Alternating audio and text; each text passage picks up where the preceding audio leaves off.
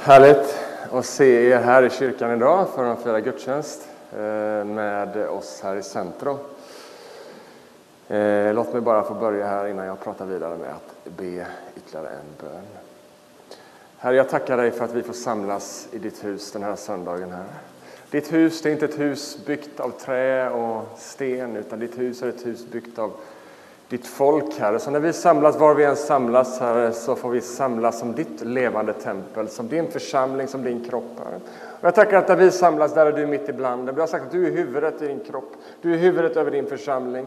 Så du är här och liv strömmar ifrån dig idag. Frälsning strömmar ifrån dig idag. Syndernas förlåtelse, helande, upprättelse, förnyelse. Ja, alla goda gåvor strömmar ifrån dig idag, du som är ljusets fader. Tackar dig att du är mitt ibland oss. Jag ber att du ska hålla mig i din heliga Andes grepp så att jag får tala ditt ord och inte människoord. I Jesu namn. Amen. Härligt, välkomna hit. Eh, idag är en bra söndag att vara i kyrkan, därför, ja, varje söndag är en bra söndag att vara i kyrkan. Men idag är en bra söndag att vara i kyrkan för att idag inleder vi våra nya serie som vi kommer nu följa under sex veckor där vi kommer vandra igenom detta brev som Andrea har läst eller börjat läsa för oss, första Johannesbrevet eller första Johannes brev. Och Johannes, denna sköna gubbe eller kille kanske han snarare var. Han kallas ibland för kärlekens apostel. Det är ett bra epitet. Kärlekens apostel. Och han är så skön, därför att han talar om sig själv som den lärjunge, i sin tredje person. Ja, den lärjunge som Jesus älskar. Så talar han om sig själv. Ja, ni vet den där lärjungen som Jesus älskar. Han talar om sig själv på det sättet, troligtvis inte för att liksom på något sätt att han jämförde och såg sig själv liksom som mer älskad än andra. Det tror jag inte alls. Men det var så han kände, när han kände, vem är jag? Ja, men jag är ju den lärjunge som Jesus älskar. Det är jag. Jag är i centrum av Jesus kärlek. Så sant. Och vet du vad, det är inte bara sant för Johannes, det är precis lika sant om dig och mig. Den lärjunge, den människa som Jesus älskar. Vilket underbart sätt att se på sig själv. Jag är Jakob, den som Jesus älskar. Och eh, Vi kallar den här serien mycket på det här temat älskade. Låt oss älska. Så har du sett i sociala medier en bild där det står älskade, låt oss älska. Så är det temat på den här serien. Well beloved. Det är direkt hämtat från texterna. Engelskan säger well beloved. Let us love dearly. Ni, som är, ni är väl älskade, så därför kan ni älska. Det är så mycket av Johannes budskap. Och eh, faktiskt är min, en av mina ringar här, jag vet inte vilken av dem, om det är den smalare eller den tjockare, och samma med min fru, så står det faktiskt det här, ett annat citat ifrån Johannesbrevet ingraverat. Vi älskar därför att han först har älskat oss. Först älskade, därför älskar vi. Älskade, låt oss älska. All annan religion handlar om vad vi kan göra för Gud. Kristen tro handlar om vad han har gjort för oss. Allt börjar i Jesu kärlek för oss. När vi upplever, upptäcker att we are well loved. Vi är väl på riktigt älskade, då kan vi också sprida kärlek vidare. Johannes brev är fyllt av mycket doktrin, som vi säger ibland, mycket lära, lärosatser, men också mycket praktiskt om hur vi kan leva ut det kristna livet. Inte bara i teori, utan det är fyllt, fullt med passion i det här brevet, fullt med hjärta. Så jag hoppas att du ska få sex underbara veckor framöver, för jag hoppas att du är här varenda söndag. Så du får vara med i den här vandringen genom Johannes brev. Jag vet inte om du har märke till det, men ofta när man skriver ett brev så brukar man skriva hej på dig, vem man nu liksom adresserar. Och sen så liksom, ja, man brukar på något sätt ange vem man skriver till och och vem det är som skriver. Men när Johannes börjar sitt brev, första Johannes brev, så är han så ivrig, verkar det som, att komma till sitt ärende. Så han har varit sig tid att presentera sig själv eller, eller brevets mottagare. Men man kan gissa att det här skrevs till eh, de kyrkor, den kyrka som han var verksam i och att det liksom, troligtvis så spred sig runt i, i, i kyrkor som, hade, som han stod i en relation till. Och det står liksom inte heller rakt ut, men, men, men, men han var församlingsledare och, och, det verkar som att han liksom i sitt brev, man förstår det när man läser, så adresserar han en falang inom sin kyrka eller flera kyrkor där det, liksom, där det fanns liksom en falang som ville liksom snickra ihop sina egna läror, sina egna idéer om vem Jesus var, hur han var och hur man lever det kristna livet. Så han adresserar en grupp inom kyrkan som sprider falska läror. Och det är som med många av breven. Och de här villoläror, liksom, som vi ibland kallar dem, det uppstår ju precis på samma sätt nu som då. Det uppstår ju liksom när man försöker snickra ihop bilden själv.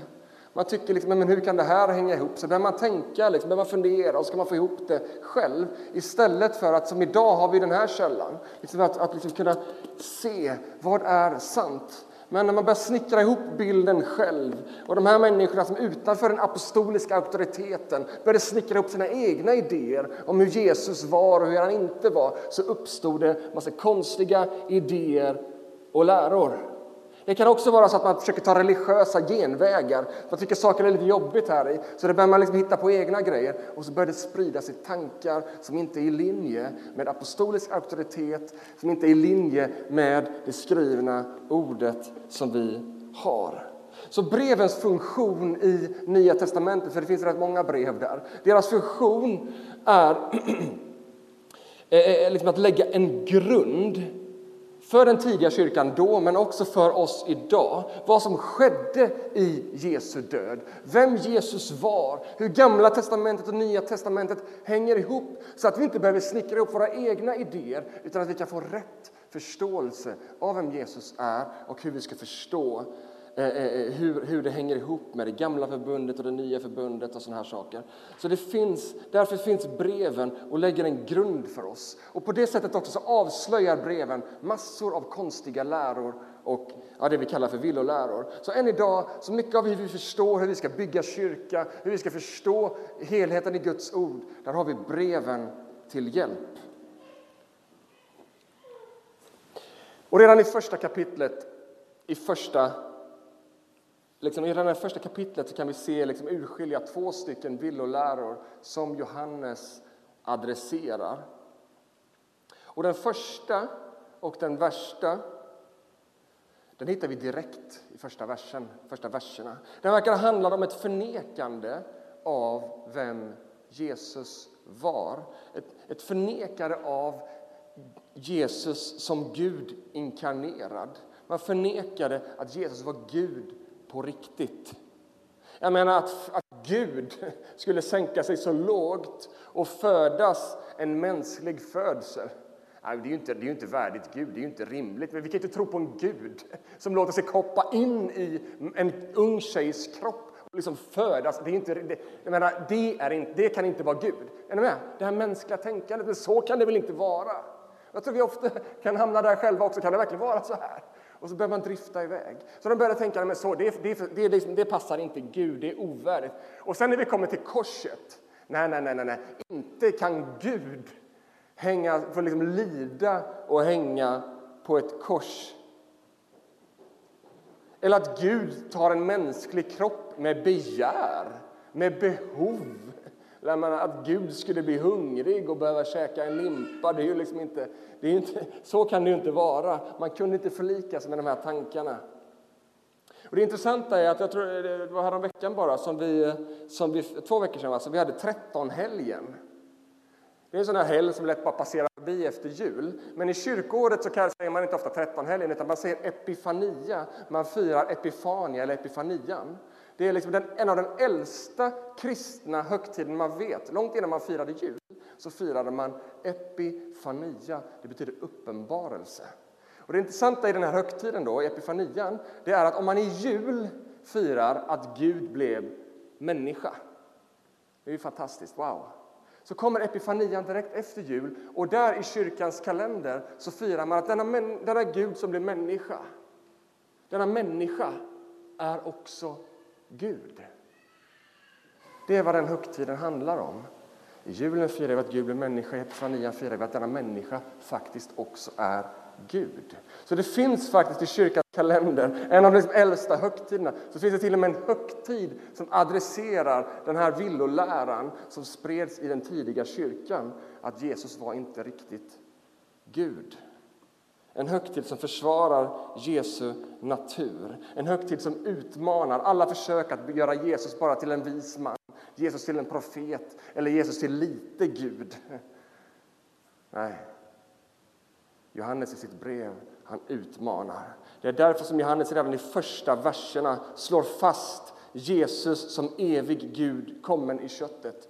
Är ni med på pang på rödbetan, starten av Johannes? Det som var från begynnelsen. Alltså det som är av evighet i begynnelsen, det som är av evighet dåtid. Det har vi hört. Det har vi med egna ögon sett. Det har vi skådat, ja, vi har rört vid med våra händer. Om detta vittnar vi om livets ord. Direkt beskriver han. Ja, jag är ett ögonvittne. Jag har rört vid honom, jag har känt vid honom, jag har sett honom, jag har upplevt honom, jag har känt hans doft. Och han, han är av begynnelsen. Han är inte bara en människa. Han är av begynnelsen, ja, han är livets ord. Guds ord kommen. Vi har hört honom, begynnaren, skaparen. Han som är logos, han som är Guds logos, han som är Zoe, han som är Guds Zoe, alltså Guds livet. Han är det vi predikar. Så direkt så bara adresserar han de här som vill sprida andra tankar och idéer. Alla försök att förminska Jesus till något annat än fullt ut Gud och fullt ut människa leder till någonting annat en kristen tro. Jesus var inte en människa med gudomliga inslag som de här villolärarna ville troligtvis hävda. Han var inte liksom förklädd Gud i en fuskkropp utan han var 100 procent människa och 100 procent Gud. Det är Jesus. I Guds matematik så blir det 100 procent Gud, 100 procent människa, 100 procent. Det är Jesus, han är fullt ut människa, fullt ut Gud. Så det är det första han slår fast, det är honom vi förkunnar. Och efter den här liksom slap in the face inledningen mot de här liksom villolärarna så går han vidare in i nästa villolära, som också är där vi kommer stanna lite längre idag. Och det har med synd att göra.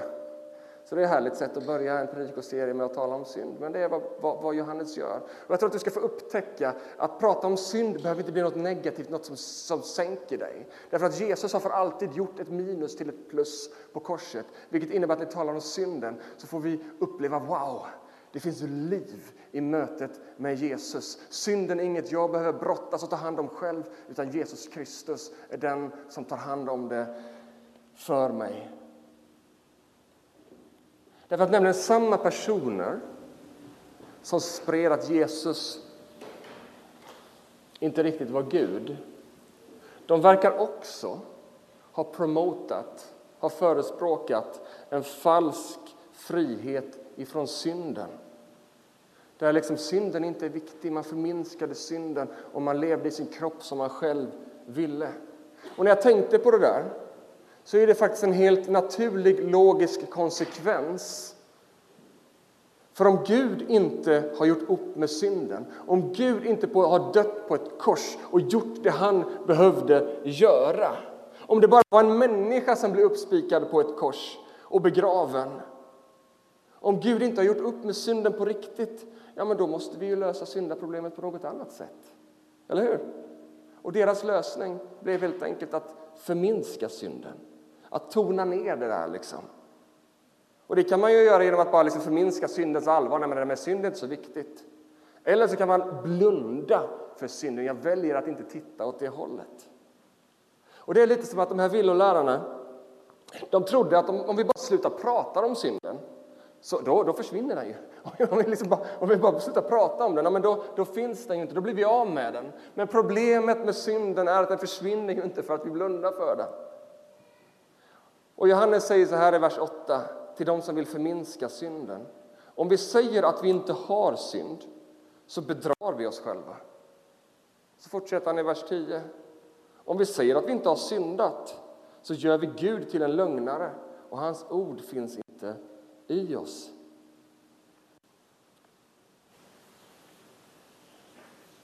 Ibland är det ju skönt.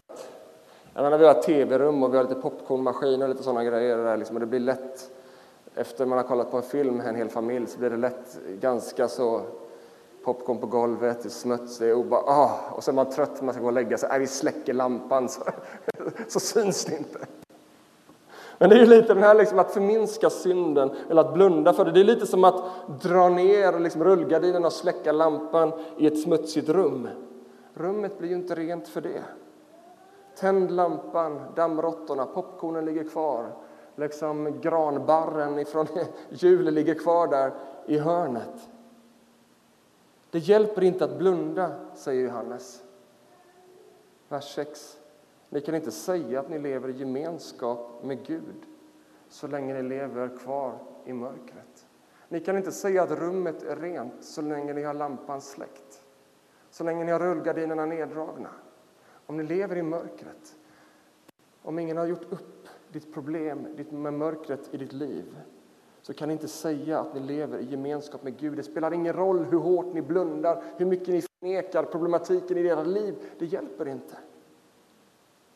Och vi lever i en tid, skulle jag vilja hävda, med liknande utmaningar där många vill förminska synden. Det är inte poppis att prata om synd. Det är liksom, vare sig innanför kyrkans väggar eller utanför kyrkans väggar, är det populärt jag vet inte om ni känner till Sigmund Freud, men han var ju en, en, en gubbe som har fått extremt stor påverkan på hur, hur, hur, vi ser på saker och hur vi tänker i, liksom, kring psykologi, men också hur vi tänker kring människan. Och han menade, Freud, han menade att synd var en konstruktion som fångade människor i skuld. Och det är ju rätt.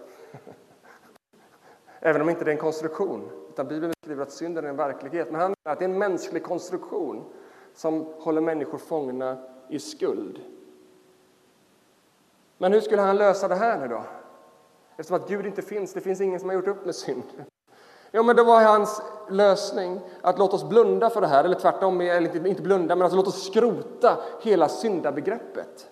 Det var det som är ett problem, menade Freud. Det var liksom begreppet synd. Alltså, vi har ju skapat att det finns rätt och fel och vi har liksom, det menar det var människans idé. Så låt oss skrota, vi bara skrotar begreppet synd och liksom sluta prata om det så kommer människan bli fri ifrån skuld.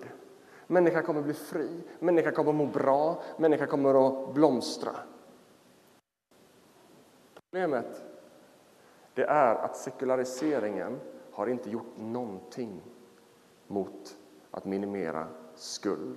Faktum är att minimera syndabegreppet, att liksom sluta prata om Gud, har faktiskt lett till mer skuld. Vi har större problem med skuld idag.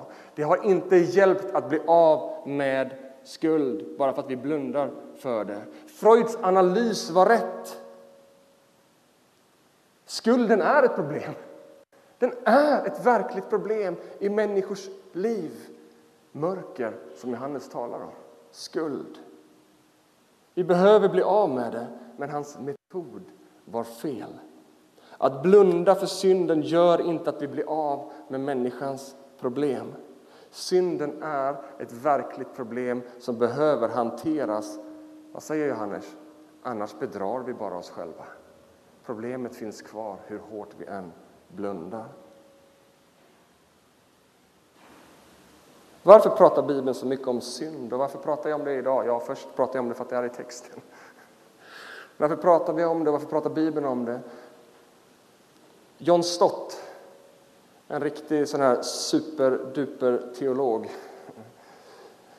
Han har sagt så här, att Bibeln tar synden på allvar. Varför? Jo, därför att Bibeln tar människan på allvar. Synden inte bara hindrar vår relation och vår gemenskap med Gud. Den inte bara skapar skuld, utan den leder mig också bort ifrån fullheten av det liv som Gud har skapat mig för. Därför tar Bibeln det här problemet på allvar. Så därför är det inte hjälpsamt att vare sig förminska synden eller förneka synden. Utan vi behöver istället förstå vad ska vi göra med den för att kunna leva i frihet från både synd och skuld och komma ut i det överflödande liv som Jesus talar om. För det är vad Jesus talar om, ett överflödande liv. Inte ett liv där vi är sänkta av synden, utan ett liv där vi överflödar i allt det som han är och har för oss. Så problemet var här var att de förminskade synden. Men när jag tänkte på det där så insåg jag också att det finns ju faktiskt ett annat dike på vägen också. Att vi på något sätt kan förstora synden ursäkta, liksom det kanske är dålig jämförelse, men vi kan, förstå, vi kan göra den så stor att vi blir så upptagna av synden. Det finns en risk med kristna. Jag har sett det många gånger, kanske lite i mitt liv, men också sett det eh, olika människor som kan verkligen fastna i ett läge där man vill utvecklas i sitt kristna liv, där man vill komma vidare i relationen med Gud och liksom komma djupare. Då kan man hamna i ett, liksom ett, ett, ett annat dike där man gör sig själv till ett rättfärdighetsprojekt. Där man liksom fastnar i introspektiv och navelskåderi. Där man ska försöka fixa sig själv. Där man ska försöka bli den här superheliga liksom, som bara ska liksom ah, döda varenda begär som man inte ens har. Och, liksom, ah. och Luther, Martin Luther, reformatorn, han sa, eller egentligen så har han snott det från Augustinus, men kanske är Luther mer känd för att ha sagt det. Han sa eh, att, att han beskrev synden som incurvatus in se. Det är latin och betyder att vara inkrökt i sig själv. Så vad är det synden gör oss? Ja, det kröker in oss i oss själva så vi fastnar med liksom blicken i vår egen navel.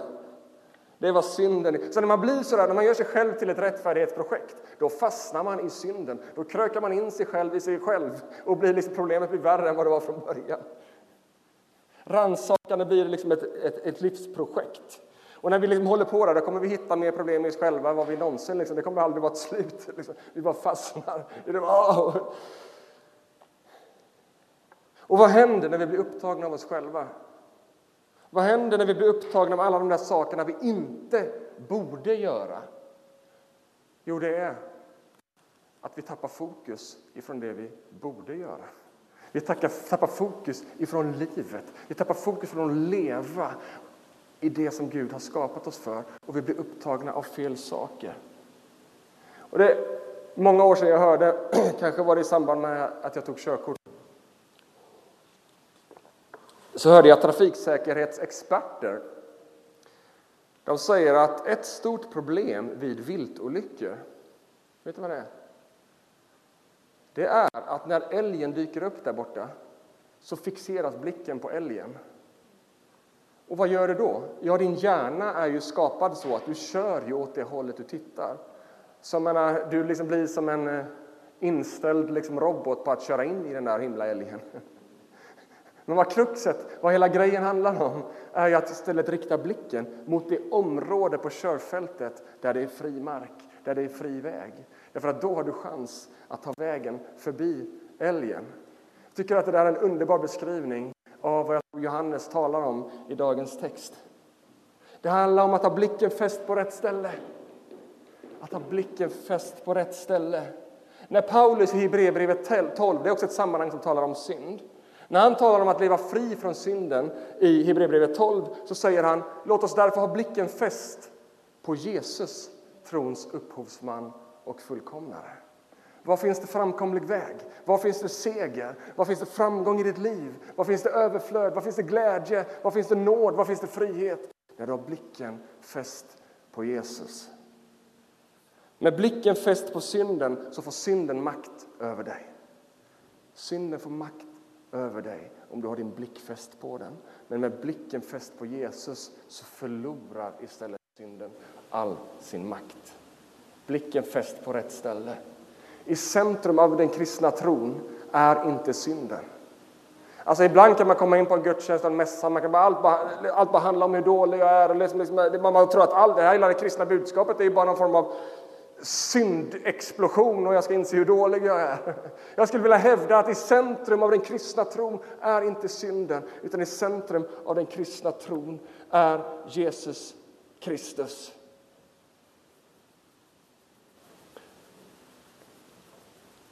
Faktum är, synden är ju i centrum av fiendens agenda. Det är där han vill att du ska ha blicken fäst. Så att du fastnar. John Stott igen. Han sa så här, hur kan någon komma på tanken att den kristna tron handlar om synd? Snarare än syndaförlåtelse. Blicken på rätt ställe. Blicken på rätt ställe. Vad handlar den kristna tron om? Nåd, förlåtelse, upprättelse, förnyelse, transformation, helig ande och liv.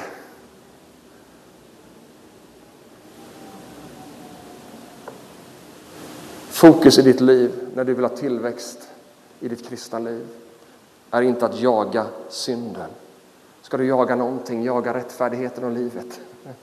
Sök det som är gott för dig. Inte fokusera älgen utan vägen, han som är vägen, Jesus Kristus. Det handlar inte om att förminska synden, inte heller att bli för upptagen av synden, utan att göra rätt sak med synden. Vad är rätt sak? Vad ska vi göra med synden? Hur ska vi tänka på den och hur ska vi hantera den i våra liv?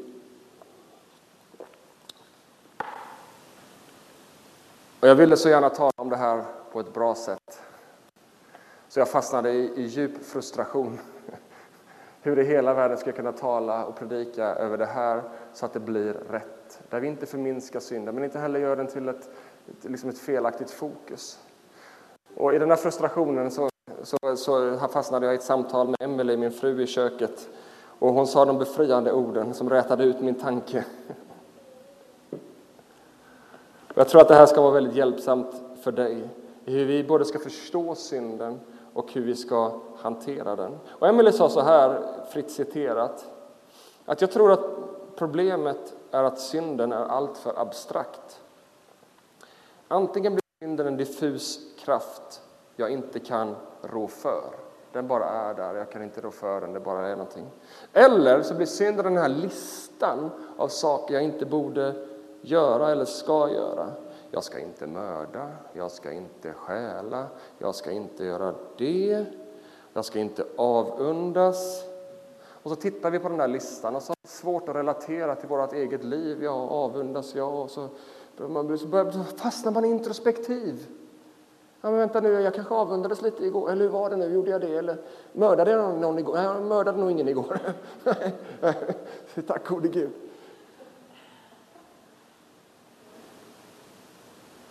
Också det blir abstrakt, den där listan. Okej, okay, jag ska försöka sluta avundas. Men det berör inte. Det gör inget riktigt med mig. Det greppar inte tag, utan det blir generellt och det liksom blir konstigt. Och då sa Emelie så här, jag tror att det är bättre och enklare och mer konkret att se på synden så här. Synd är det som skaver i vår relation till Gud. Vad är synd för någonting? Ja, det kan börja, ja, det är väl, ska se här, för hon ställde den frågan till mig först. Vad är synd för någonting? Ja, det är ju när vi inte älskar Gud som vi borde. Och det, är liksom, det blir superabstrakt och bara, liksom, eller, eller bara lista med konstigt. Liksom. Men vad är synd för någonting? Ja, men det är ju det som skaver i min relation till Gud. Det är det som känns ofräscht. Det är liksom, ah, när man närmar sig Gud. Det är det som skaver där inne. Jag tycker det var så enkelt, så grundläggande det är det som skaver i vår relation till Gud. Men nu handlar det inte om att det blir subjektivt, för nu kan du tänka att det var väldigt vad subjektivt det här blir, att det som skaver för dig skaver inte för mig och hit och dit. Så Jag skulle säga, bara slå fast det, det är inte det jag menar. Synd är objektivt. Synd är vad Gud har förklarat orent. Synd är allting som inte älskar Gud över allting annat. Menar, det finns en objektiv sanning om synden. Men vad gör vi med den i våra liv? Hur ska vi förstå den och hur ska vi hantera den? Ja, men då tror jag det är väldigt mycket i linje med vad Johannes talar om när vi ska leva i ljuset. Det är att det som börjar bli synligt, det som börjar synas när vi tänder lampan, det som börjar skava när Guds ljus lyser. Ja, men det är det som vi behöver göra upp med. Så vad ska vi göra då? Hur ska vi hantera synden? Ja, det första du ska göra det är att omfamna Gud. Det första du ska göra är liksom, spring efter Gud. Omfamna honom, omfamna livet och gemenskapen med honom. Det första du ska göra är inte ta fram ditt förstoringsglas och börja liksom hitta vad har jag för fel och vad har jag för brister. Det första du ska göra, ditt första fokus i livet, är att älska Gud. Att omfamna allt det han är och allt det han har. Där ska du ha ditt fokus, där ska du ha din blick och ingen annanstans. Jag tror att det är därför som Johannes säger, han talar både i texten om att ha gemenskap med Gud, och så säger han ja, och denna Gud i vers 5, han är ljus och inget mörker finns i honom. Du vet, i Guds ljus, det fullkomliga ljuset, där kommer du börja upptäcka massa intressanta saker dig, om dig själv. Du kommer liksom se både det ena och det andra. Saker du behöver ta itu med. Vi inser alla att i det där fullkomliga ljuset, där kommer annat att bli synligt. Där kommer det att skava lite grann då och då. Jag skulle till och med vilja säga så här, om ingenting skaver i din relation med Gud, då lever du troligtvis med Gud på alldeles för långt avstånd.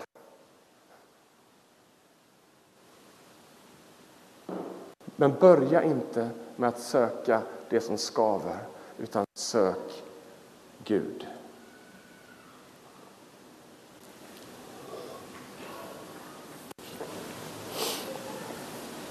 Vad gör du då, då när skavet kommer? Ignorerar och blundar som villolärarna ville liksom göra, förminska, ignorera, blunda. Eller kanske springer du bort ifrån Gud för att först försöka fixa dig själv. Jag hörde ett samtal nu här i veckan mellan eh, två personer.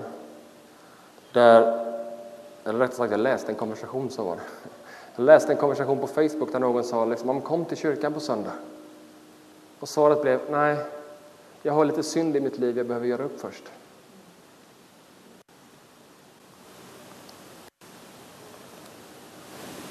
Vem är det som gör upp med synden? Vad ska du göra med synden? Vad ska du göra med skavet? Johannes presenterar den enda framkomliga vägen. Den enda vägen som på riktigt befriar från skuld. Den enda vägen som på riktigt gör upp med synd och mörker i våra liv. Den enda vägen som på riktigt möjliggör djup gemenskap med Gud. Vers 9. Om vi därför bekänner våra synder är han trofast och rättfärdig så att han förlåter oss våra synder och renar oss från all orättfärdighet. Han filar bort skavet om vi bara bekänner våra synder. Vad ska vi göra med våra synder? Vi ska bekänna dem. Inget annat. Gå inte in i din egen brottningskramp och försök vara Superman och liksom styra, liksom, äh, styra upp ditt liv själv. Bekänn skiten! Bekänn det! Målet är inte att jaga efter synd i våra liv utan att söka Guds härlighet och gemenskap. Men när skavet kommer, och det kommer, därför att anden det liksom står i, Johannes talar om det i kapitel 8 i sitt evangelium, att en av Andens uppgifter är att uppenbara synd. Så i Guds närvaro så det är liksom uppenbara skav. Vad gör du? Nej, vad dålig jag är, jag måste sluta lovsjunga Gud nu. Eller jag måste liksom, nej, bara bekänn det. Bara bekänn det. När ljuset kommer in i ditt liv, bekänn det. Bekänn det, bekänn det. Och i bekännelsen så är han trofast och rättfärdig. Men kan det verkligen vara så enkelt? Jag måste få ordning Jag måste... Bekänn det! Där är kraften som sätter dig fri och du får ta emot nåd. Och nåden är det som förvandlar dig så att du inte vill ha längre med synden att göra.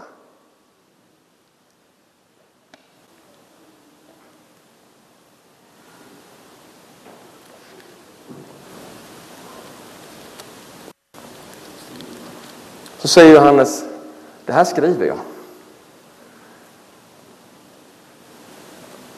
Och det här förkunnar vi i vers 3 för att ni ska ha gemenskap med oss. Och vår gemenskap är med Fadern och hans son Jesus Kristus. Jag skriver det här om bekännelsens kraft för att ni ska ha gemenskap med Gud. För att ni ska kunna leva i en pågående gemenskap med Gud. Det är liksom Ditt kristna liv ska inte vara som en jojo in och ut i Guds närvaro beroende på dagsformen eller beroende på dina tankar och beroende på vad du råkade säga eller göra eller vad det nu är för någonting. Nej, det här säger jag för att ni ska ha gemenskap med Gud. Ett liv i bekännelse möjliggör ett liv i Guds närvaro.